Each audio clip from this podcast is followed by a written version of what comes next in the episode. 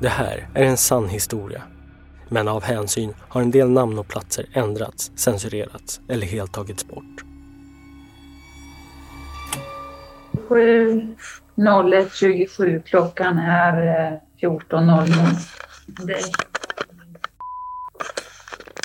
Förhörsledare Monica Ohed och närvarande berörd på Lakman.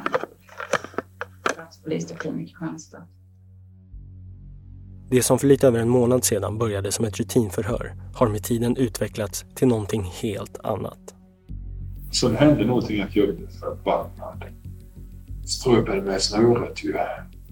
Det känd- kändes så jävla naturligt ju att göra det. Han begår ju grova brott. Här handlar det om mord, våld och mord. Trots att det finns folk alltså väldigt nära honom. Det är precis som att han inte förstår eller är rädd för att folk kan upptäcka honom. Den sedan tidigare ostraffade mannen har nu erkänt två mord och flera övergrepp mot kvinnor. Han känner ofta en stark oro och har svårt att sitta stilla och drivs ut på nätterna. Det är precis som att det finns något i kroppen som säger till. Alltså det är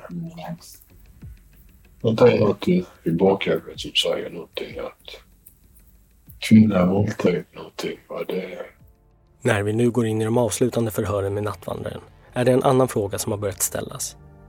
Är det här en seriemördare som aldrig tidigare uppdagats?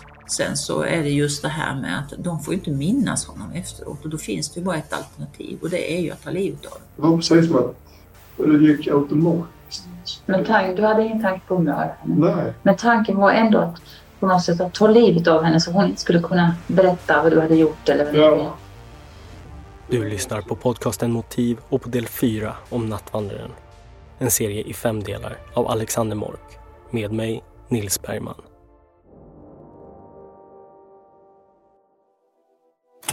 Det är liksom att kunna slå ifrån sig, koppla av och leva normalt. Va? Vissa kanske mår dåligt efter en vecka. Ja. Det mår inte. Men jag har inte känt det så direkt. Liksom. Nej, men det känns precis som att eh, man är nästan en levande tickande bomb. Som skulle explodera en dag. Ja, det är det. Och nu har den exploderat. Ja, tyvärr.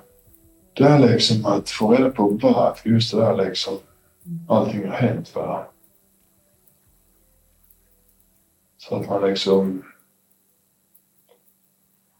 inte skulle gå och upprepa något lik, liknande. ju. Nej, det är det vi får hoppas att du får bot för.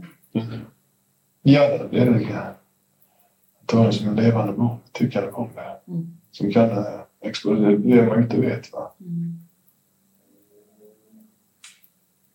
Det är det som är det farliga i dagens samhälle. Mm. Så det, att det finns sådana personer. Mm.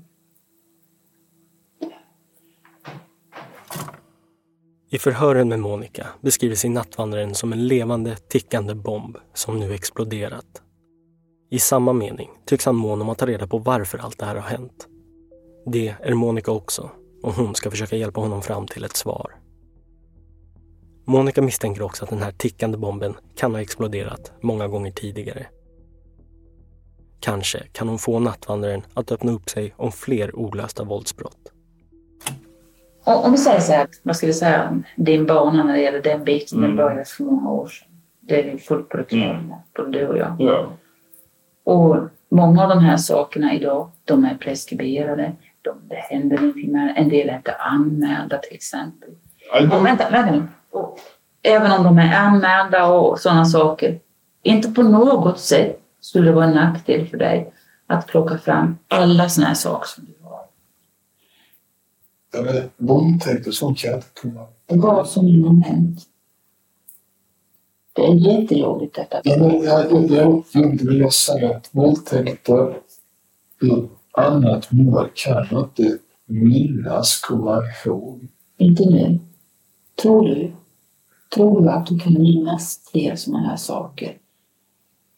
När du funderar och tänker efter. Detta är viktigt för dig själv också. Nej, det är viktigt, men jag kan säga som så nu. Just, jag har ju mitt minne som jag kan minnas tillbaka så finns det ingenting som har hänt men tanken har funnits där. Mm. Men jag kan inte minnas. Det kanske finns en dag så fall har lyckats få träna den jävligt bra. Mm. Sen var det alltså. Det, mm. det måste i så fall ha hjälpt mig fram. Mm. I så fall att man får börja från mm. mm. scratch, alltså noll bara. Mm. Försöka att jag är någon kvinna illa någonting. Det kan jag inte minnas just nu. Det är,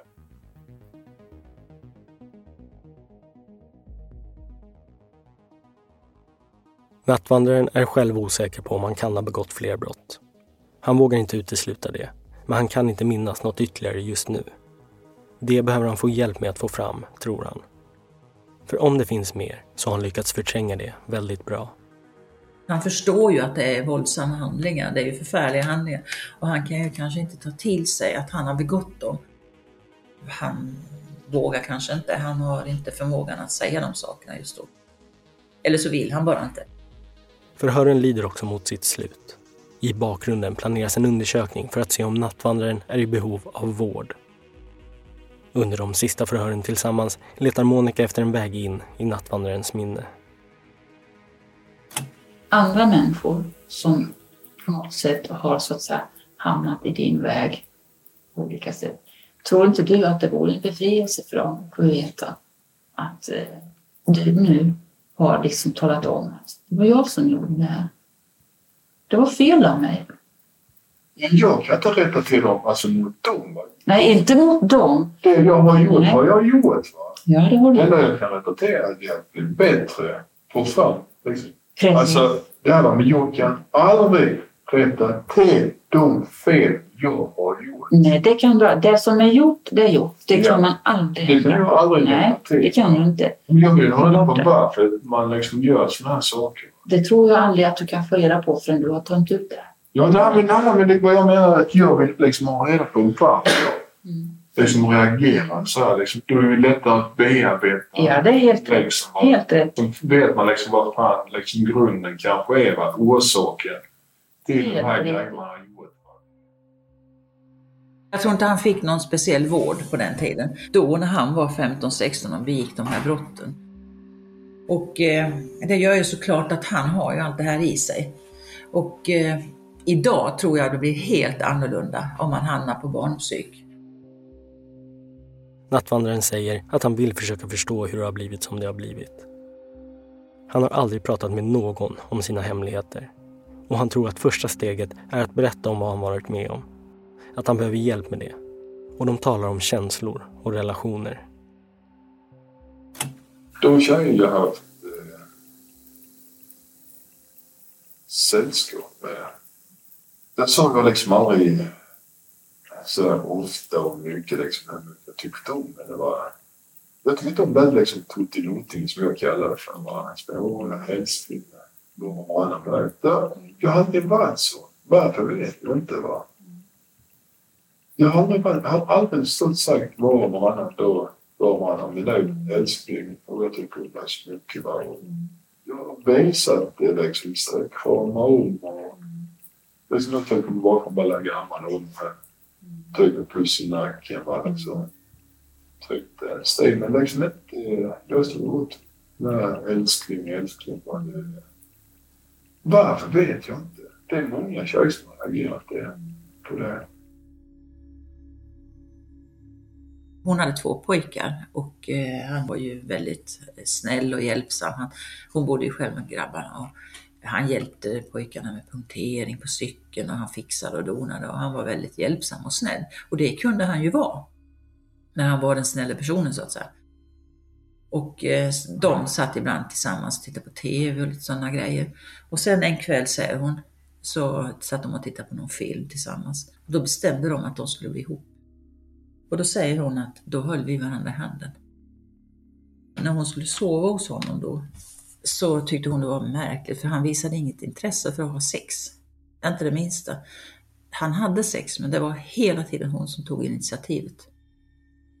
Om det inte är en sån relation där du till exempel har gett dig på våldtäkter och såna här grejer eller dödat någon. Mm. Om du har haft en relation och blivit arg, hur har du hanterat det då? Alltså, jag har aldrig liksom... De förhållanden jag tjej som jag vill minnas det. Jag har liksom aldrig blivit avvisad på ett vis. Jag har accepterat att man har en sida där jag vill ha makt över en typ, någon person bara. Mm. Vi en tjej. Som jag inte har förhållande med. Mm. Sen är ett förhållande där vi är samspelta inom det sexuella. Det jag liksom inte vet vad det är jag vill ha. Bara. Så, och det är jag som vill bestämma, styra över en tjej då. Mm. Så att jag får mina, för, mina käns känslor. Mm. Och det kan du inte få i en vanlig parrelation. Nej, det är det jag liksom, jag tycker det är, det är lite roligt. Så att säga. Jag förstår nog ungefär hur du menar. Att det är någonting åt det hållet. Jag vet inte vad som styr mig. Om det är makt av något slag som jag vill ha. Nattvandraren berättar att han inte kan minnas att han har skadat kvinnor när han har varit i en relation. Han tror att övergreppen kanske handlar om att känna makt på något sätt. Det är nattvandraren själv som har valt att berätta om fler händelser i sitt liv. Det går inte att forcera fram hans minnen och Monica måste ge honom den tid han behöver för att minnas saker som han kanske har förträngt under en längre tid. Det var så att jag kände till brotten men hade inte så pass mycket mot honom så att han kunde delges misstanke. För det måste ju liksom finnas någonting, några detaljer som knyter honom. Och det fanns det inte. Däremot så försökte jag få honom att berätta om dem. Tänk på det vi pratade om innan, när du berättade att du går tillbaka i ditt liv nu. Går igenom vad som du kan ha varit med om från 47 framåt. Du började med 77 och skriver. Har du kommit fram till någonting? just nu så är det att jag inte känt för att skriva varken går eller idag. Det... det är sånt minne som får vakna efter Ja, det är liksom att jag kommer liksom inte på va? och det, även om jag försöker. Det får liksom bli att det blir kanske för tätt nu liksom för mig att komma ihåg, komma ihåg. Det, det är precis som en... Det är nästan som en spärr. Hur har det gått annars med men det är ju dina tankar och din känsla. Ja, idag har jag haft det lugnt och skönt. Jag har haft det jäkligt mm. Så nej, jag tror det känns... Jag funderar mycket, men det är liksom mer typ... För då man kommer ut i friheten där uppe. Mm. Det känns jävligt skönt. Sover bättre. Lugnare nu i varje fall. Mm. Lite tryggare på något sätt. Att. Det finns ju bara på ett ställe. Vad, känner du tryggare för? Är det för att du själv känner att du kan inte gå ut och göra någon skada mer? Nej, men nu sitter man... Ja, det är för att sitta och prata kanske. Mm. Jag vet Jag kan inte säga mm. så, men jag känner mig lugnare och tryggare på något mm. vis. Nej, men alltså, jag det känns... Det känns lite segt eller så, va? Med att man inte gjort men det känns skönt. Det är bara att gå och läsa bok. Var då noga med att gå igenom dina händelser. Jag är övertygad, jag är övertygad om att det var andra saker som du behöver prata om. Jo, men det är det jag försöker liksom att skriva upp. Börja med det som jag kommer ihåg. Jag förstår ju, det vi har pratat om innan också, och det du har börjat skriva på en lapp mm. som du mm. säger, att det har ju säkert varit många olika händelser i ditt liv med tanke på hur du har mått. Va? Och betett mig. Va? Ja, precis. Jag har bara liksom levt. Va? Jag men har du, har du liksom lagt...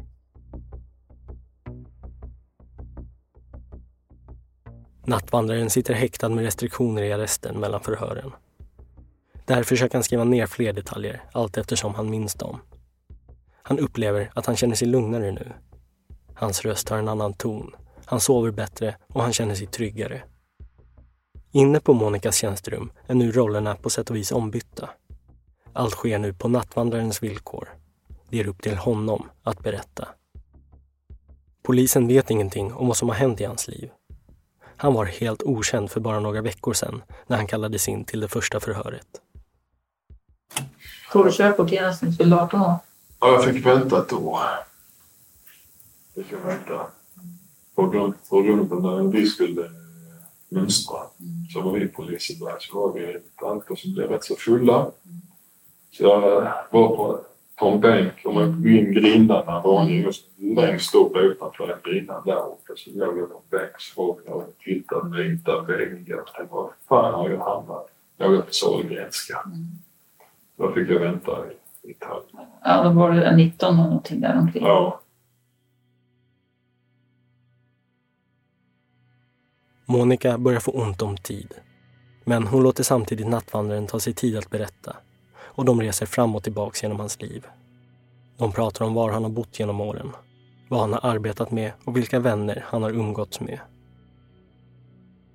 Det var när du var fosterhemsplacerad där nere då som du lärde känna trakten. Du hade börjat bo där inne. Ja, ja då när jag gick avbytarkurs. Ja, men då bodde du på samma ställe? Jag bodde på samma ställe. Ja. Där Han satt på Mellrem.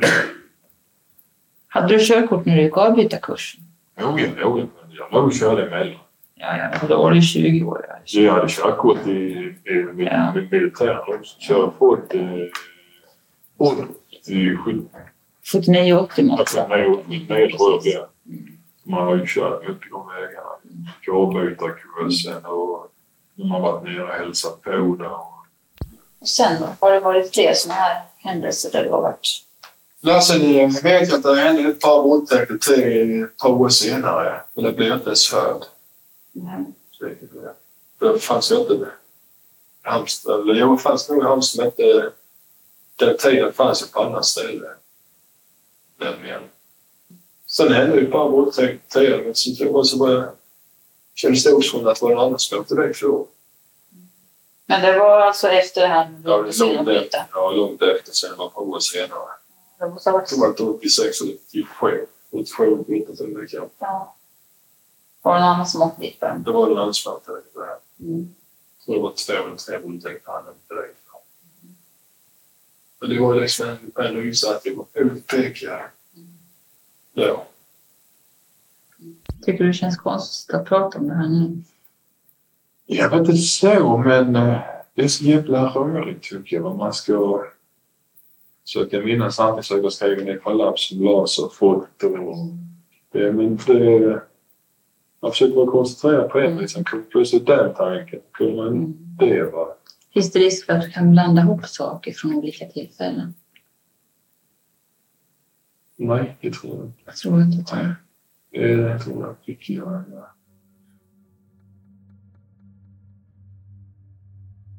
Han berättar att han arbetat som djurskötare i Kristianstad från någon gång 1981, 82 till 84.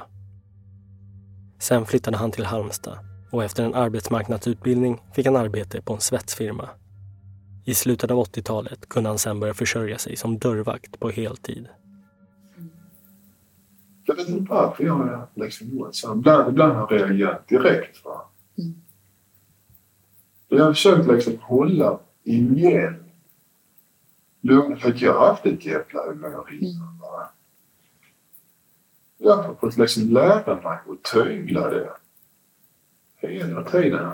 Tänker mig för vad jag säger, vad jag gör. Mm. För att när jag har blivit äldre har jag blivit alltså pang tosig. Och det fick jag verkligen lära mig när jag började jobba som vakt. Det var ju liksom kä- känt för uppe i Halmstad. Mm. Som vaktledare också visste folk om att Mm. då var jag inne i högen och sjöng plockade ut dem. Mm. Så tror att det är skillnad. Man, kan- visst kan man ha humör och bli arg, men det är just det här att man måste kontrollera sig. Ja, jo, det har jag kunnat göra Då, då, ja. när jag jobbade som Ja. vakt. Och Ja, det är därför att fick jag lära mig, men ändå att jag var jävligt bestämd. Va? Mm. Jag var hård. Jag gick liksom in. Va? Mm. Men jävligt hårdröst och bestämd. Mm. Och kunna ta ner på golvet. Mm. Slaktade bara. Så blev jag vaknade ett gäng in- invandrare då. Mm. Så chefen han kom och hämtade mig. Mm. Ändå att det fanns två vakter inne. Han kom och hämtade mig ändå bara. Han visste om att Mm. det är någonting som jag sa. De ska ut på ett eller annat vis. Mm. Den regeln hade jag alltid. Så även om det gällde en eh, tjej Mm. eller kille. Va? det hände två gånger att jag släpade ett par tjejer rakt ut bara. Mm. Det var enda chansen att ta dem snabbt som Mm. för att börja käfta med tjejer som var på fyllan. Det gick inte. Det var bara att ta ett livtag i uppdrag som är snabbt som fan utanför dem. De skrek, de hade sig. Va? Mm. Så det tycker jag liksom inte är, är något negativt så sett för min del. Alltså det har jag alltid Mm. levt med. Va? Så jag har andra känslan bara bli arg. Du måste ju också ha blivit ledsen och besviken. Jag dig... jag är ledsen, besviken blir man ju bara. Men jag, jag har ju inte hävt ut mig det. Jag har liksom inte sagt det rakt ut så till någon person. Va? Jag, känner, jag har tagit inåt istället för att få ut det direkt. Va? De känslorna. Jag har liksom blivit mer och mer, ska man säga, inbunden de.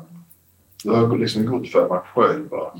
Och sluta säga fy fan vad jag mår dåligt då. Då går jag hellre. Jag går alltid gått för mig själv.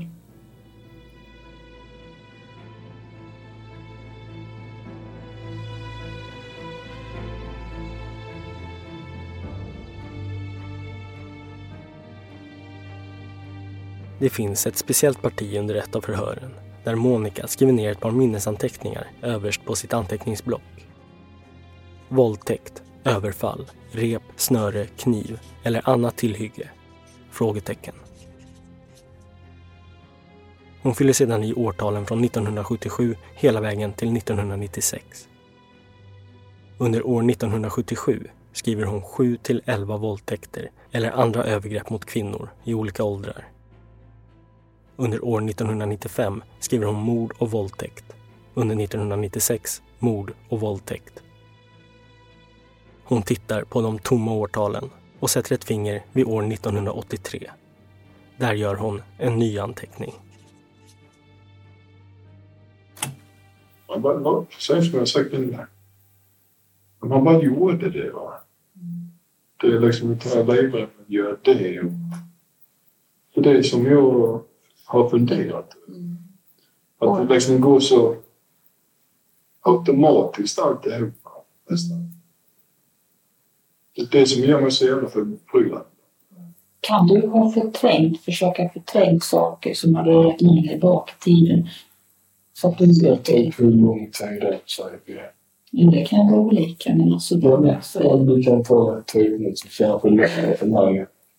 Men jag Ja, jag, jag, jag tror att om, om det finns saker i, i soptunnan som vi pratade om innan för att höra så tror jag att det är mycket, mycket bättre för dig själv att du själv får minnas de här sakerna.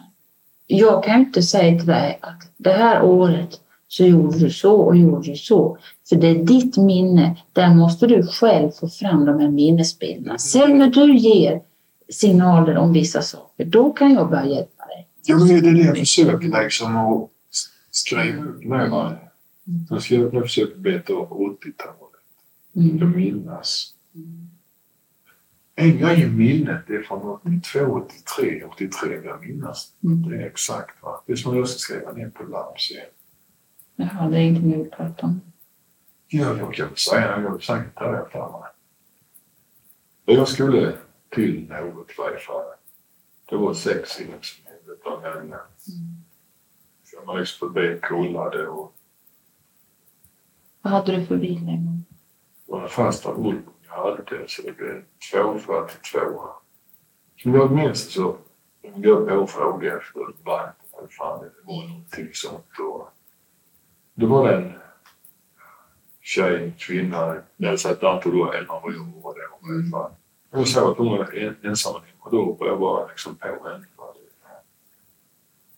Men hur kunde du bedöma att hon var själv då? Jag att det fanns ingen bil där i varje fall. Sen eh, försökte jag liksom som genomföra en våldtäkt. Hur hoppade du på honom? Jag fann mig hoppa rakt framifrån mot den. Men, men vad gör du när du hoppar på henne? Alltså, tänk till dig att du står vid det här huset nu igen.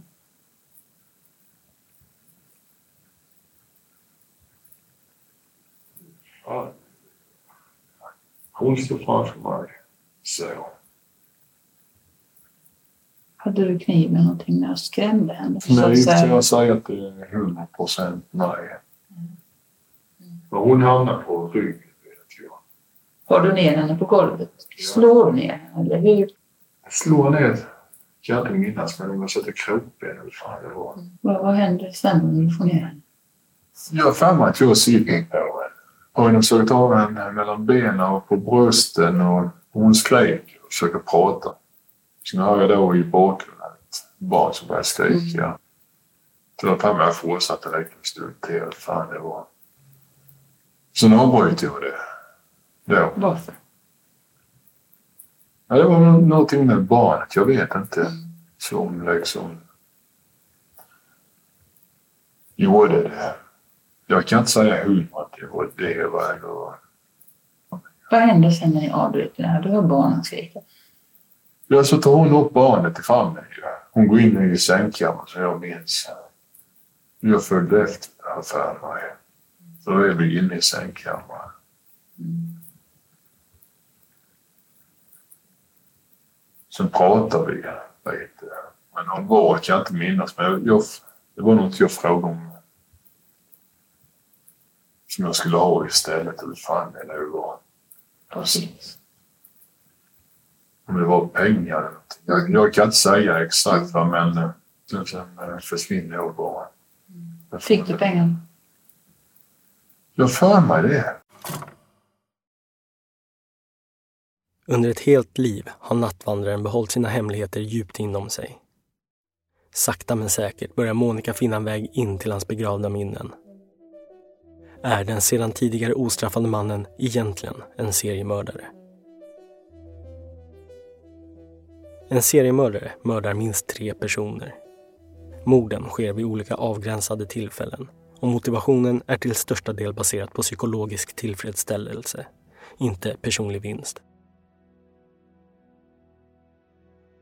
En hypotes är att många seriemördare lider av antisocial personlighetsstörning, det vill säga psykopati eller sociopati. De är vanligtvis inte psykotiska och uppfattas generellt sett av andra som ganska normala. Så som jag tolkar dig kan du uppträda i två olika mm. Du kan uppträda som en schysst person mm. och du kan uppträda som en annan människa som kan skada och göra andra illa. Och det tror jag att du har gjort. Hur har du tänkt inne i dig själv och känt inne i dig själv när du har pratat om sådana här händelser med andra människor? Och du har känt normal. Det har du. Du har inte känt att det var, det var jag som gjorde det här. Du har inte känt det så? Inte direkt. Nej, jag kan minnas. Det är bara precis som jag säger. Det, det känns så lätt. Visst, det, är, det känns som att detta existerar. Mm. Liksom alltihopa. Mm. Och kunna liksom gå normalt, träffa, leva normalt med de tjejiga förhållanden. Utan att skåda dem. Mm. Allt detta. Va? Liksom bara en snäll, skötsam, hjälpsam. Va? I de lägena. Va? Alltid ställt upp i tid och otid och alltid vara duktig på arbetsplatsen och det här är ju precis så som du själv har sagt. Du är en person som andra människor känner som vänlig, omtänksam, hjälpsam. Yeah. Sen finns det en annan sida hos dig som har funnits där länge. Och det är den personen, det är den sidan av dig som så att säga har gjort de här sakerna. Det enda jag vill är att ha ett jobb. Mm. Jobba och inte ha någon som springer och säger vad fan jag ska göra. Va? Mm liksom hjälpas med. Den jag vill ha ett jobb att sköta. Mm. Punkt slut, jag sagt. Det är väl att, det är väl liksom att jag har liksom velat ha någon som ställer för mycket krav på mig än vad andra. Det har nog lite i mig än idag. Mm. Det kan inte förnekas bara. Mm. Jag är så. Mm. Jag tycker inte om när någon ställer... Jag har krav på mig att ställa, men det får man ge ta alltså.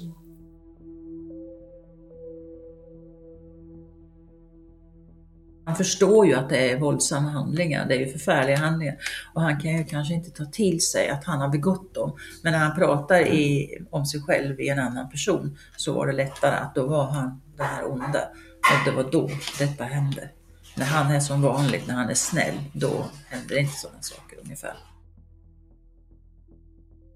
Kan du så här nu ur ditt minne, jag vet att ditt minne det är så här va, någonting finns djupt och någonting finns högt uppe. Kan du någonting nu ta fram någonting där du har skadat någon annan människa illa? Och, och, och fråga mig inte om år, fråga mig inte om hjälp, för jag kan inte hjälpa dig på den biten. Du måste minnas själv. Det enda som jag... Jag vill inte. Nej, det enda som jag, som jag kan minnas. Monica gör en ny anteckning under år 1985 på sin lista. Det var ju så att det här var ju i Halmstad och där var han ju väl bevandrad för han har ju bott där. Det var någon gång på eftermiddagen vid halv sex-tiden. Han hade kommit cyklandes från stan. Han säger att det är lättare om man får rita uppåt papper. Och han skissar upp ett hörnhus där det ligger en tobaksaffär som har en genomgång in genom en port så att man kommer in på en gemensam gård. Och väl där går han ner i en nedgång till en källare.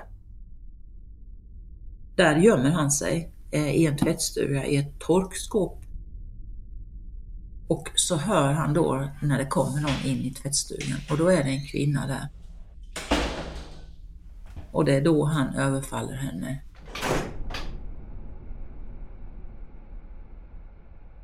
Jag vill minnas att han stoppade några klädplagg i munnen på henne så att hon inte skulle kunna skrika. Och sen genomför han då våldshandlingar på henne, sexuella handlingar. Och hans plan var ju också då att hon skulle inte få minnas honom. Men helt plötsligt så hör ju han någon som kommer i källargången. Så att han eh, får springa därifrån för att inte bli upptäckt. Så han lämnar henne där. Då var hon ju rätt så skadad.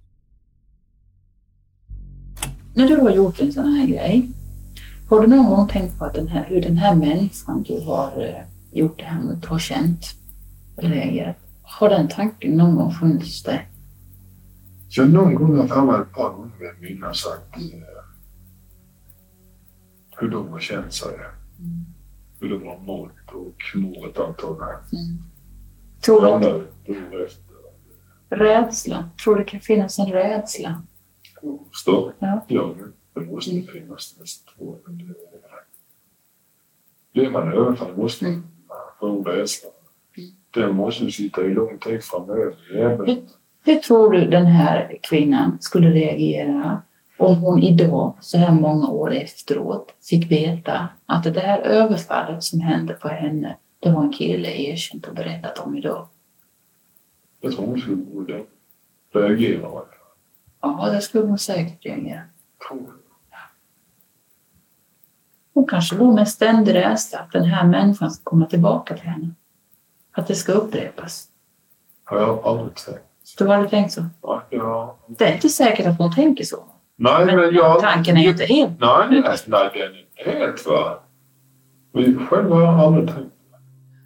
Jag tror, eh, jag tror inte att han eh, liksom tog det till sig ordentligt. För jag tror eh, inte att han kan känna, vad ska vi säga, empati på det här sättet. Kunde inte då i alla fall.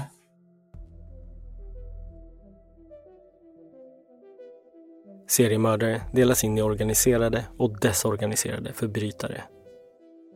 Vanliga tecken på en desorganiserad förbrytare är till exempel att de begår sina brott impulsivt. Medan den organiserade mördaren ger sig ut på jakt efter ett specifikt offer så mördar den desorganiserade sina offer så fort möjligheten kommer.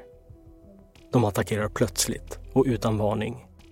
Hur kan det komma sig att du valde ut just Ja, vad ska man säga? Gynnsammare. där. Hade du sett, träffat henne Jag aldrig sett det. Aldrig. Aldrig. Aldrig sett det. Morden innefattar vanligtvis sexuella element och begås ofta efter ett särskilt mönster. Och offren har oftast något gemensamt som kön, yrke eller etnicitet. De har dålig insikt i sina brott och kan till och med blockera minnen från morden. Är om saker, liknande saker, som man blir arg för att glömma, förtränga. Och till slut har man skjutit dem en bra bit åt sidan. Men jag tror att om man börjar rensa ut så kanske man kommer på den här efterhand. Och då är det viktigt att du tömmer ut alltihopa nu. Jag kan inte just nu mm. minnas vad det Det finns inget. Vi måste ha hjälp. Alltså, något vis få fram det. För jag kan inte minnas någonting. Just kan jag inte. I huvudet va. Nej. Ja, så tänker jag. Jag tänkte innan också men det... Ja, det finns ingenting som jag kan minnas. Mm. Ja, så varken en våldtäkt eller mord, sånt göra eller misshandel. Det är... Mm. Nej, jag kan inte äh, tänka mig liksom tillbaka till Utanför förhörsrummet planeras det för fullt för en kommande rättegång. Med nattvandrarens erkännanden på plats kan hela processen gå snabbare om man vill få ett avslut på de två morden som plågat trakten. Han var ju väldigt eh, pedantisk. Väldigt pedantiskt. Jag kommer ihåg just mellan förhören när det blev klart för honom då efter att ha erkänt två mord att han skulle sitta häktad och bli dömd, att han inte skulle komma tillbaka till den här, det här huset som han nu hyrde ut på gården. När det var klart för honom, då skulle ju hans saker som fanns där fördelas då. Hans mamma skulle ha något och kanske syrra något. Jag kommer inte ihåg hur fördelningen var. Känner du någon oro? Känner du någon rädsla för framtiden för dig själv? Vad som ska hända med dig och ditt liv? För du vet ju att... Det enda, det enda är väl liksom vad man ska starta om som jag tänker bara. Och det jag oroar mig mest för det är mina grejer. Dina grejer? Ja. Det som jag då har jobbat för. Jag har jobbat så jävla mycket på Halmstad. Som jag köpte liksom. Mm. Dåliga mål man fick där och där. Det tänker jag mer. Så framtiden tänker man lite på men inte vad som ska hända exakt. Jag bara... Då stod han och jag mitt emot varandra och så stod advokaten bredvid och när förhöret var klart. Så pekade han på mig med hela handen så här, det var, gjorde han ofta. Du Monica, du vet hur det ser ut i mitt hus. Du har sett mitt vitrinskåp. De glasen som står i det skåpet, de ska packas ner i de kartongerna som står vid sidan om. Det ska du se till så det blir rätt gjort. Det här var absolut inga värdefulla glas. Det var billiga glas. Men han var väldigt, väldigt pedantisk och noga med det som var hans. Så just därför tror jag att han är med, väl medveten om allt han har gjort. Han har koll.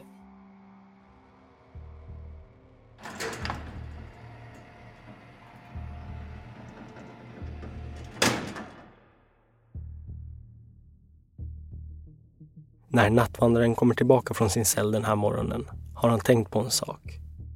Något som är jobbigt. Något som han har tänkt mycket på genom åren. Han suckar och sitter tyst en stund och sedan börjar han att gråta. Han gråter sedan hela tiden medan han berättar. Och kommer han in på en grej så är det lättare att utveckla det därifrån.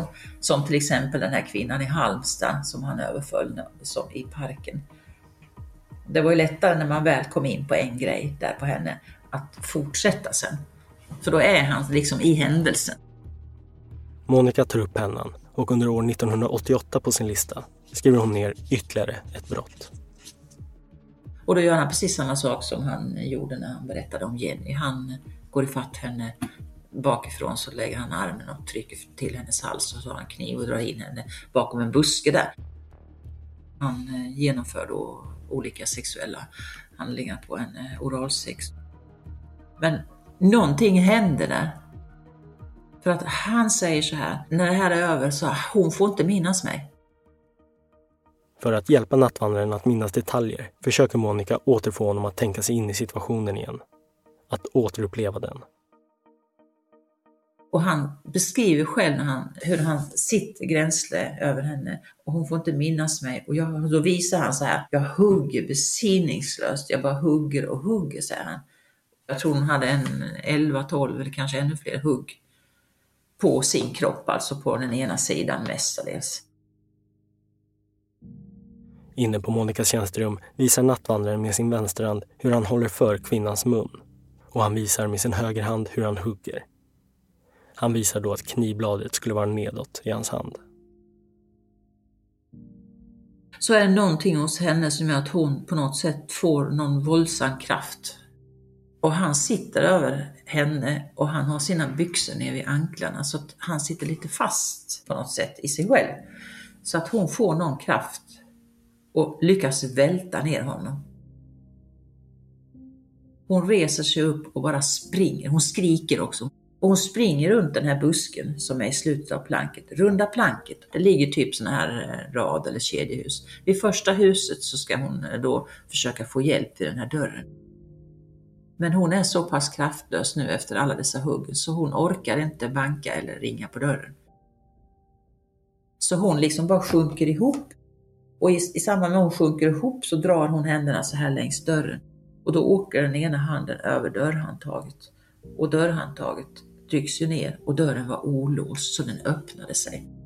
Och det gör att de som bor inne i det här huset märker det här och ringer då efter ambulans och det är på så sätt hon får hjälp. Annars hade hon dött. Och han visste ju inte det här, om hon överlevde eller inte.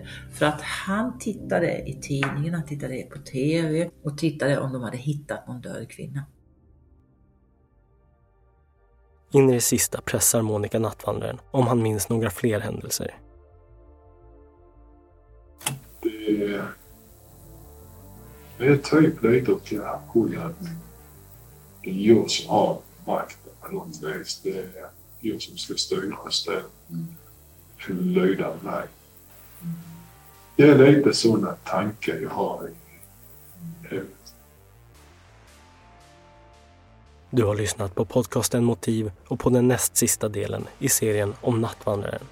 En samproduktion mellan Talltale och A Rabbit Hole. Serien är producerad av Alexander Mork. Klippning Robin Johansson. Exekutiv producent John Mork och Nils Bergman. Ansvarig utgivare Jonas Häger. Tack för att ni lyssnar.